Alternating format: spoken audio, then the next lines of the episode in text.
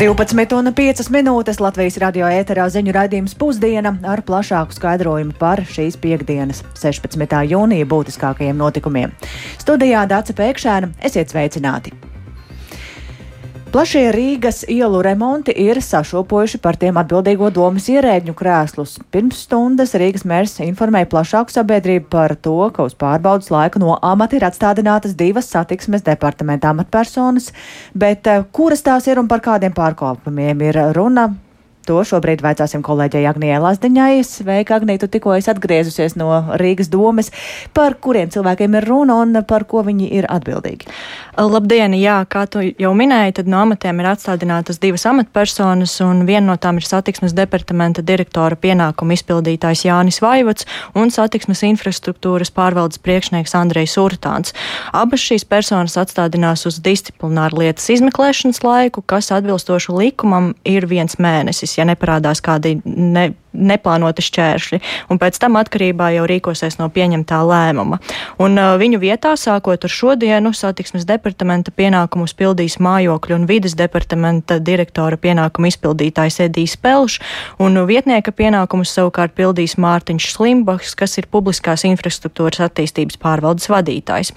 Un uh, tad, par ko ir uzsākta šī pārbauda un kas ir tas, par ko viņiem ir pārmests, tad uh, pārbauda ir uzsākta balstoties uz trauksmes cēlāju ziņojumu, kurā, kā izteicās Rīgas pilsētas izpildirektors Jānis Lange un Rīgas domas priekšsēdētājs Mārtiņš Staķis, ir fiksēti fakti un aprēķini par iespējamiem pārkāpumiem ceļu remontu organizēšanā. Un būtībā tas ir par to, ka nav veiktas uzskaitas sistēmas, nav skaidrs, kā pārliecināties, kā darbs tiek veikts, un paklausīsimies, kā to skaidro Rīgas pilsētas izpildirektors Jānis Lange.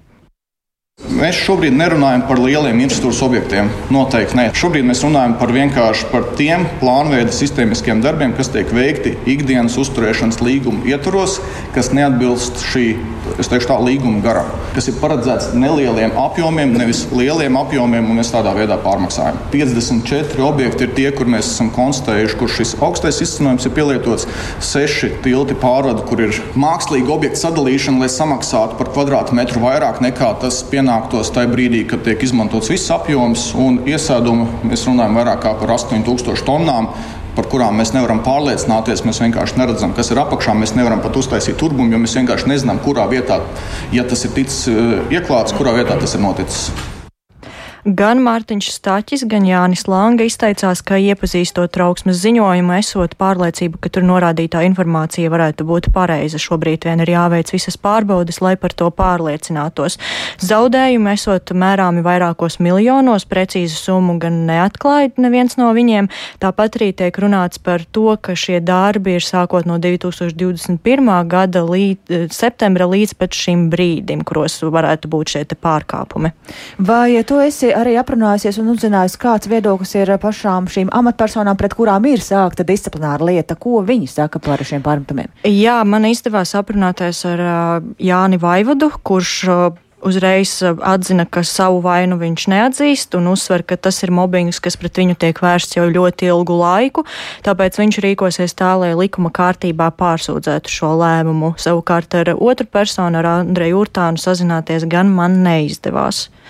Eh, bet uh, tos esošos remontu darbus šobrīd Rīgā tas arī kaut kādā veidā var ietekmēt. Kā jau es minēju, tad viņu vietā jau ar šodien sāks strādāt citas amatpersonas, un līdz ar to tika solīts gan no staķa puses, gan no langas puses, ka tiks darīts viss, lai neietekmētu šo turpmākos visus darbus, un šo abu divu amatpersonu prioritātes būs būtībā trīs - darīt visu, lai dziesmu svētku paredzēto darbu tiktu izdarīti plānotajā apmērā, un tāpat arī visi turpmākie darbi tiktu veikti sistēmiski, kā arī turpināt realizēt tos objektus, kas jau ir ieplānoti plānoti. Par to tik tālu pagaidām būtu skaidrs, bet um, jāskaidrojas būs arī pašam Rīgas mēram Mārtiņam Staķim, jo īsi pirms šī brīfinga arī parādījās vidas aizsardzības un reģionālās attīstības ministrijas um, paustais viedoklis, ka Staķim nesot bijis tiesību vienpersoniski sevi norīkot komandējumā uz Tamperi, un šajā gadījumā runa par komandējumu uz Tamperi laikā, kad tur notika pasaules čempionāts hokejā un mūsu hokejistiem noslēdzošās cīņas par medaļām. Vai arī par šo jautājumu izdevās tev iegūt kādu Staķu? Staķu komentāru? Nē, diemžēl šo jautājumu neizdevās dabūt komentāru. Jāatzīst, ka uzreiz pēc šī paziņojuma par abu amatpersonu atstādināšanas Mārtiņš Staķis ātri vien devās uz citu sapulci un līdz ar to izpalikām bez šī komentāra. Nu, tas droši vien vēl sekos. Paldies Agnijai Lazdeņai par šo skaidrojumu. Un, um, Vēl arī Tieslietu padome šodien vērtē ģenerāla prokurora Juras Tukāna izteiktos pārmetumus Jēkabils novadā nogalinātās sievietes juristē. Atgādināšu, ka Tukāns žurnālā Ieva kritizēja nogalinātās sievietes advokāti, ka viņa nesot gana aktīvi meklējusi sievietes aizsardzības iespējas, un šie Izteikumi raisīja plašākas diskusijas arī sabiedrībā, un Tieslietu padomas sēdē šodien seko līdz kolēģis Kirmanta Baļčūta, kur mums šobrīd ir pievienosies attālināti. Sveika, Kirmante, vai jau ir zināms Tieslietu padomas vērtējums par šiem stukānu izteikumiem? Uh, labdien! Nē, pagaidām vēl lēmums nav zināms. Uh, sēde turpinās jau vairāk nekā divas stundas, un pašlaik uh, Tieslietu padome um, ir slēgtajā sēdē, kurās laikā tad juristi apspriežās. Un pēc tās tad, uh, varētu tikt arī pieņemts tas lēmums, vai viņi uh, uzsāk šo pārbaudi attiecībā uz ģenerālu prokuroru vai nē. Tātad slēgtā sēde, līdz ar to tev arī droši vien nav tādi konkrēti argumenti šobrīd zināmi, kas ir izskanējuši padomē. Nu, tu, tur ir tā, ka viņi to, ko viņi drīkstā, kā atklāti translēt, tad viņi translē. Nu, piemēram, Latvijas zvērināta advokātu padomes priekšsēdētājs Jānis Rozenbergs savā uzrunā norādīja, ka padome uzmanīgi seko nu, ārējai komunikācijai ar mēdījiem un pad, advokātu padomes skatījumā ģenerāla prokurora Jūras Tukāna izteiciena vispār metēnu uz tieslēmu, tieslietu sistēmu kā tādu, kas nesot pieļaujams. Ģenerāla prokurors arī novēlis vainu uz advokātu un arī piedāvājis viņu prāt likumā neparedzētu problēmas risinājumu. Par šo, par šo arī tiks pieņemts Tieslietu padomes vērtējums. No Tieslietu padomes locekļiem ģenerāla prokurors arī saņēma komentāru par to, ka viņš esot sajaucis komunikācija ar sabiedrību, nu, kas tā kā ir laba lieta, un komunikācija ar advokātiem. Tas, ka viņš sniedza interviju žurnālam, ieviesot ļoti labi, bet viņam nevajadzēja intervijas laikā tā kā uzrunāt advokāti. Un, ja tas nebūtu noticis, nu, tad viss būtu bijis kārtībā. Nu, šādi izteicieni bija. Uh, Nu, es pieminēšu arī, ka pašam ģenerālprokuroram tika dots vārds, un viņš uh, uz sēdi atnāca ar uh, krimināla procesa likumu, citēja iesniegumu likumu, kurš neparedzot iesniegumu rakstīšanu pa taisno ģenerālprokuroram. Viņš arī parādīja uh, dokumentu aprites schēmu, kuru iespējams viņa prātā esot nepieciešams uzlabot. Nu, viņš savā atbildēs runā pateica, ka viņa prāta advokāti apzināti nepareizi interpretēja un sagrozīja viņa teikto intervijā viņš aicinājis Tieslietu padomi pārbaudi attiecībā uz viņu neierosināta. Bet, ja mēs paskatāmies tā nedaudz plašāk, ko nozīmē vispār šāda pārbauda un ar ko tā var beigties? Uh, prokuratūras likumā ir teikts, ka ģenerāla prokuroru var atlaist no amata, ja konstatēts, ka viņš pieļāvis apkaunojošu rīcību, kas nav savienojama ar viņa amatu. Un potenciāli šāda pārbaude negatīva atzinuma un saimas atbalsta gadījumā var beigties ar ģenerāla prokurora atlaišanu. Paldies, Skirmantai Baļčūtai. Tātad gaidīsim, kāds būs Tieslietu padomes šodienas vērtējums. Bet šajā brīdī mēs savukārt turpinām ar skolu tīklu. Un um, skolu tīkla sakārtošanā esot jāņem vērā ne tikai kvantitatīvi rādītāji, piemēram, skolēnu skaits, bet arī virkne citu apstākļu, kā satiksmes iespējas konkrētajā apvidū vai skolēnu vecāku materiālais stāvoklis. Sarunā ar valdības vadītāju Krišāni Kariņu no jaunās vienotības šos jautājumus tad šodien akcentē Latvijas pašvaldības savienības pārstāvi cerot, ka ieteikumi tiks uzklausīti un tādējādi arī skolu reforma būs kvalitatīvāka. Kāds ir pašvaldības skatījums? Par to vairāk interesējās kolēģi Zana Eniņa. Viņa šobrīd līdzās man studijā. Sveika, Zana! Sveicināti! Latvijas pašvaldības savienības, eh, savienība valdības vadītājiem savus iebildumus un ieteikumus šodien izsaka, jo ir nobežījusies, ka nekvalitatīvas reformas rezultātā Latvijas reģioni arvien vairāk iztukšotos un tādējādi palielinātos attīstības atšķirības starp dažādām Latvijas vietām. Pašvaldībām arī šķiet ļoti būtiski, ka nozares ministrija piedāvā jaunus kritērijus vēlamajam skolēnu skaitam klasēs kā arī ir izskanējis, ka valsts varētu uzņemties atbildību par skolu tīkla sakārtošanu līmenī no 7. līdz 9. klasē. Jau iepriekš pašvaldības savienības pārstāvji ir izteikušies, ka šāds solis pašos pamatos izmaina pašreizējo iedalījumu, un to šodien uzsvēra arī pašvaldības savienības priekšsēdētājs Gins Kamīnskis. Paklausīsimies! ja mums ir pamats izglītība obligāti valstī, tad kāpēc dalīt 1,6 un 7,12. Tie jautājumi, kas ir regulāri runāti, un arī lai premjeras zina, un premjeras ir tas, kuram būtu jāskatās šis eh, paplašinātais jau skats uz visu sistēmu, ne tikai atraut vienu pašu izglītību, bet kopā ar satiksmi, ar, ar ekonomiku, jā, jo katra izglītības iestāde tā ir tāda mm, vietēja ekosistēma, arī kā tas atstās ietekmi ar šo nu, uzņēmējdarbības vidi galu galā šajā teritorijā. Ginska Minskis teica, ka skolu reformas notiek nemitīgi, to īstenošanas gaitā pašvaldības mācību iestāžu skaitu pēdējos 20 gados samazinājuši par trešdaļu, bet pēdējos sešos gados slēgtas 167 izglītības iestādes. Šajā mācību gadā vien, kas nu pat ir noslēdzies, desmitās klases jau nav atvērtas desmit skolās. Pašvaldības savienības vadītājs mm, uzskata, ka, refo lai reforma turpinātos kvalitatīvi, nepieciešama starpdisciplināra disciplināra pieeja. Pirms tiek pieņemta kāda lēmuma, jāiesaist arī satiksmes ministrija, vidas aizsardzības un reģionālās attīstības ministrija, iespējams arī citas valsts pārvaldes institūcijas, un uzmanība jāpievērš ne tikai kvantitatīviem rādītājiem, bet arī tam, eh, kā reformas ietekmē izglītības kvalitāti. Un te Ginska Minskis pieminēja nesen publiskoto Latvijas universitātes pētījumu, kas parāda, ka ne visur Latvijā skolēniem pieejama vienlīdz kvalitatīva mācīšana. Um, vēl atgādināšu, ka Izglītības un zinātnes ministrijai konkrētāks informatīvais ziņojums par skolu tīkla reformu valdībai jāiesniedz 15. augustā, un pašvaldības savienība cer, ka tās ieteikumi arī tad nepaliks bez ievērības. Paldies Zanai Eniņai par šo skaidrojumu, un uh, skaidrs, ka arī skolu tīkla sakārtošanā būtiski būs koalīcijas lēmumi, bet eh, kāda būs pati koalīcija? Turpinoties sarunām par iespējamu koalīcijas paplašināšanu, pēc nepilnām divām stundām bija paredzēta visu valdības partiju, jaunās vienotības, Nacionālās apvienības un apvienotā saraksta tikšanās ar Zaļo un Zemnieku savienību un progresīvajiem. Apvienotais saraksts gan jau paziņojis, ka nepiedalīšoties, citēju koalīcijas paplašināšanas sarunu cirkā. Pirms tam gan piedaloties pēc stundas plānotajā koalīcijas sadarbības sanāksmā, sanāksmē, un tikko arī ir tapis zināms, ka arī Nacionāla apvienība nepiedalīšoties sarunās, jo nesot skaidrs šo sarunu formāts. Vairāk par šīm sarunām tad noteikti un to attīstību stāstīsim raidījumā pēcpusdiena, bet vai plašāka valdība spētu strādāt labāk?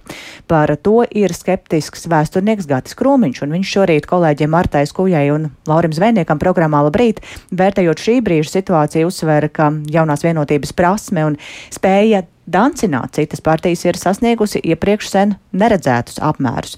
To parādot arī opozīcijas prasītais un sēmas noraidītais Kariņa demisijas pieprasījums. Paklausīsimies Krūmiņa teikto. Nu, mēs redzam, tas pats apvienotais saraksts tikko faktiski tika pazemots un izgāzts viņa līdera cilstā Pielēna kunga ievēlēšana prezidenta vietā, un tagad viņš nobalso pārliecinoši jā, par to valdības stabilitāti. Tā, tā ir tā viena puse. Es godīgi sakot, esmu visai skeptisks par to, vai valdības spēj strādāt labāk, jo šobrīd ir tās problēmas, un ja tur saliek iekšā vēl vairāk dažādas partijas, es teiktu, ka šobrīd tās politiskās spēles diemžēl ir tāda augstāka prioritāte nekā domāt par kaut kādiem darāmiem darbiem, kas būtu jāpieņem, kas attiecās uz valsts attīstību. Pāris lietas var nosaukt, kur ir tās lielākās problēmas. Tā ir milzīga nevienlīdzība starp galvaspilsētu reģionu un pārējo teritoriju. Tas nav ne Lietuvā, ne Igaunijā tā, kā mums ir, ir Rīga, Pierīga un tad ir pārējā Latvija, kas ir astē. Nekas pie tā īsti nav domāts. Nu, labi, reģionālā reforma, bet kas tālāk? Investīcijas, līderība, spēja īstenot ilgtermiņa attīstības plānus kaut kādus. Tāpat izglītība izglītība, zinātnē, inovācija politika, ja, kur Eiropa visu laiku saka, ieguldiet. Ja? Vienīgās jomas, ko mēs spējam sakārtot, tur, kur ir milzīgs spiediens faktiski nu, no, no malas. Nu, kā, nu, nu, diemžēl tā izskatās. Un šīs, ja mēs tagad atkal esam apakaļ, ja, nu, tagad ļoti daudz dažādas partijas, kur ir problēmas, tagad būs it kā pie varas. Bet kā viņas vienosies kaut ko izdarīt? Nu, godīgi sakot, man ir diezgan liels skepsis par to. Bet, nu, ja jums būtu tā vara un teikšana, kāds būtu ideālais atrisinājums šai situācijai? Nu, man šķiet, ka tomēr ir jāvienojās vai nu par vienu vai par otru variantu, ja, jo nu, savāk ļoti daudz partijas. Jo tādā veidā tu atkal spēlēties ar partneriem, tāpat kā prezidenta vēlēšanās. Ja. Tu vari spēlēt politiskās spēles, bet tu savāc mazāku komandu un ej uz priekšu. Kā, nu, ja, ja man tas būtu jādara, es teiktu, vai nu tad es palieku pie esošā, ja uzmetot to, kuriem es iespējams kaut ko esmu solījis par prezidenta vēlēšanām, vai nu tad uh, tu ņem tos klātos saucamos jaunos. Jo tas, protams, skaits skan iesaistām vairāk cilvēkus, bet jautājums ir par lēmumu pieņemšanu, pat ir kaut kādu dinamiku. Nu, šeit es teiktu, ka tā dinamika būs vēl mazāka, ja tas tiek šobrīd pārmests. Bet tas ir tiešām apbrīnojama situācija, kas ir tādā ziņā mums sen politiskā tādā telpā tas nav noticis. Ja, ka, nu, bet, tādā veidā var tās jā, partijas dancināt. Jā. jā, bet šobrīd izstāsta tāda kā gumijas vilkšana vai partijas gaida, kad būs jau jaunais prezidents? Nu, es domāju, tas arī ir viens no faktoriem, jā, ka tas tiek arī vēl gaidīts. Jā, no Levita kungs ir diezgan stingri pateicis, jā, ka viņš tā kā nestiprinātu, nu, tas laiks iet. Jā. Es domāju, ka strādāt ar jauno, lai arī kurš ir sevi deklarējis, ka viņš būs apolitisks. Nu, būsim realisti. Tu nevari tā nabu saiti pārgriezt ar partiju, kurā es tik cieši biju iekšā. Nu, tā kā mums Rinkēvičs jaunais prezidents, es domāju, ka ar viņu jaunajai vienotībai strādāt būs daudz vienkāršāk nekā ar Levitu. Jo es domāju, ka arī Levitam ir sajūta, ka nu, politiķi nav piestrādājuši, lai viņš varētu ērti un bez nekādām problēmām turpināt mm -hmm. savu darbu. Tā vēsturnieks Gatis Krūmiņš. Bet pievēršoties notikumiem Ukrainā, tur šorīt tiek ziņots, ka Krievija intensīvi apšaudot Kīvu ar raķetēm un esot dzirdami arī sprādzieni. Vienlaikus šodien Kīvā viesojas vairākumu Āfrikas valstu līderi ar mērķi panākt mieru starp Ukrainu un Krieviju. Tikmēr Kīva cenšas arī nodrošināt tai papildu nepieciešamās militārās spējas, un pēc Ramsteinas grupas sanāksmes vairākas valstis ir paziņojušas par saviem lēmumiem šajā jautājumā. Par to plašāk Rihards Plūme.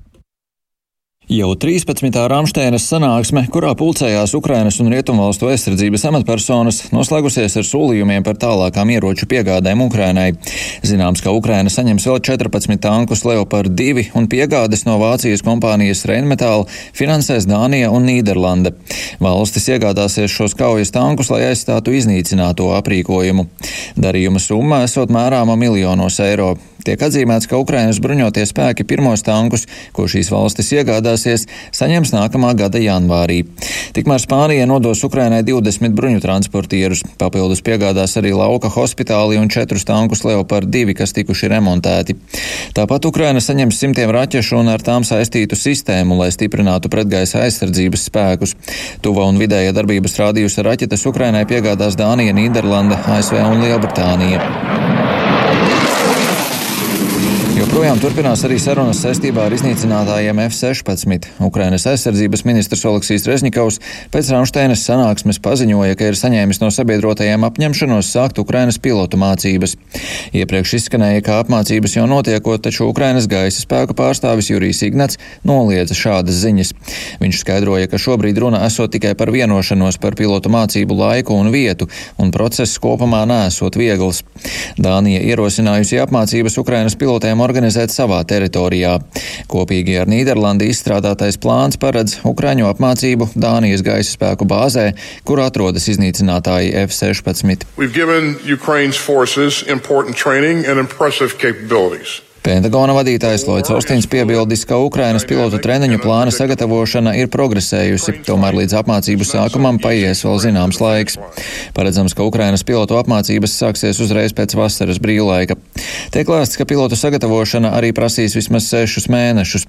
Turpina Nīderlandes aizsardzības ministre Kaisa Olongrēna. We have to look at what capabilities do they already have, how is their English language. Mums jāskatās uz to, kādas ir ukraiņu pilotu spējas, kādas ir viņu angļu valodas zināšanas, kādā līmenī viņi ir. Bet jā, vasara ir mūsu mērķis un redzēsim, cik realistiski tas būs. Tā ir ļoti spēcīga ieroču sistēma, bet tā nebūs pieejama drīz, un prezidents Zelenskis to, protams, zina. Arī Dānijas aizsardzības ministra pienākumu izpildītājs Trojals Lunds Pols Olsens atzinis, ka vēl tāls ceļš ejams, lai šīs lidmašīnas varētu kļūt par Ukrainas gaisa spēku kaujas lidmašīnām. Tikmēr bijušais Minkenes drošības konferences priekšsēdētājs Wolfgangs Išingers ir pozitīvāk noskaņots. Es werden ukrainische Piloten, nach meinem Kenntnisstand, schon seit geraumer Zeit. Proti pēc viņa rīcībā esošās informācijas rietumu lidmašīnu nonākšana Ukrainā varētu būt vairāku nedēļu vai dažu mēnešu, nevis daudzu mēnešu jautājums. Rihards Plūme, Latvijas radio. Un vēl ko dzird Baltijas jūrā peldošās zivis, kā cilvēki ietekmē dzīvos organismus jūras dzelmē un jūras ūdens kvalitāti. To pēta viens no Eiropas zinātniskās flotes modernākajiem kuģiem Aranda. Un šonadēļ Liepājā starptautiska projekta laikā gan skolēniem, gan arī citiem interesantiem bija unikāla iespēja apskatīt iespaidīgo laboratoriju. To apskatīja arī mūsu kolēģi Gozola.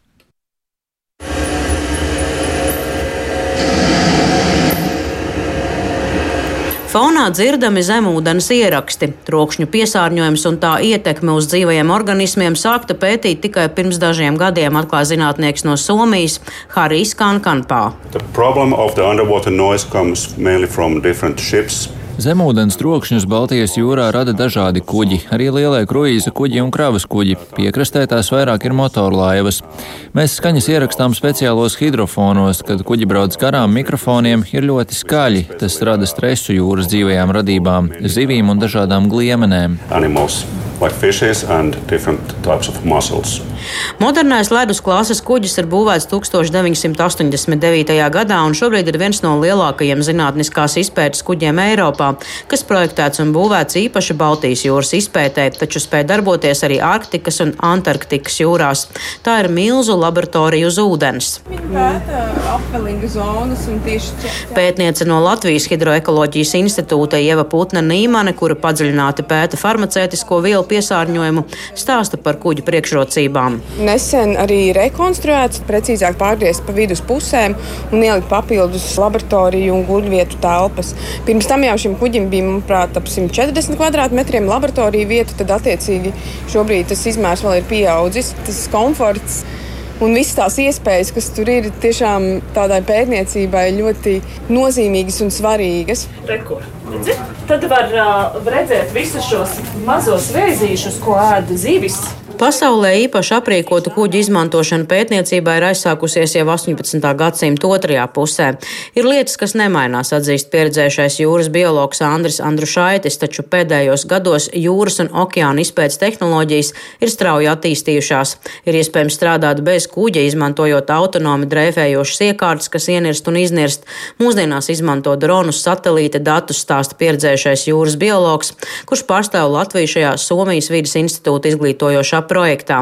Pirms liepājas kuģis viesojās Klaipēdā. Visā pasaulē okeāna pētnieki runā ļoti daudz par okeāna digitālā dviņa izveidi. Protams, te ir problēma, ka mēs varam pārāk aizrauties ar to virtuālo, jau aizmirst, ka tā tomēr ir virtuāla vide. Šī ir ārkārtīgi interesanta zinātnes nozare. Ļoti bieži cilvēki saka, ka faktiski mēs par kosmosu mūsu planētas tomā zinām vairāk nekā par pasaules okeānu.